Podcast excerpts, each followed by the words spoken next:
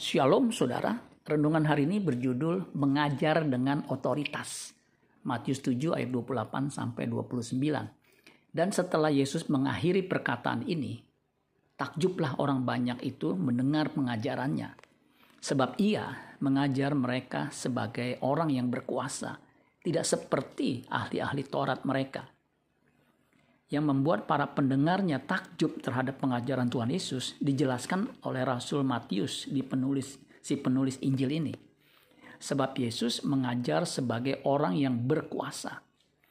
Terjemahan bahasa Inggris New English Translation mengatakan begini untuk Matius 7 ayat 29. Because he taught them like one who had authority, not like their expert in the law Yesus mengajar dengan penuh otoritas atau wibawa. Bahasa Indonesia masa kini mengatakan sebab ia mengajar dengan wibawa. Tidak seperti guru-guru agama mereka. Berwibawa seperti seorang pejabat pemerintah yang berhak memberi perintah. Matius 7 ayat 29 terjemahan sederhana Indonesia 2 mengatakan begini. Karena dia tidak mengajar seperti para ahli Taurat. Dia mengajar dengan kuasa seperti seorang pembesar yang berhak memberi perintah yang harus diikuti. Apa yang membuat Yesus mengajar dengan penuh otoritas? Karena Yesus memperagakan atau melakukan apa yang diajarkan, tidak seperti ahli Taurat yang hanya pandai mengajar tapi tidak melakukan apa yang diajarkan.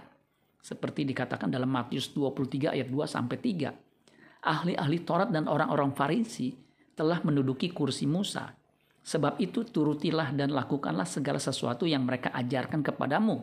Tetapi janganlah kamu turuti perbuatan-perbuatan mereka. Karena mereka mengajarkannya tetapi tidak melakukannya. Di samping itu Tuhan Yesus mengajar dengan hikmat dari Allah Bapa. Ia menggunakan perumpamaan-perumpamaan yang bisa difahami para pendengarnya. Sebagai tambahan, ia juga mengajar dengan disertai tanda dan mujizat Matius 13 ayat 54 dikatakan begini. Setibanya di tempat asalnya, Yesus mengajar orang-orang di situ di rumah ibadat mereka.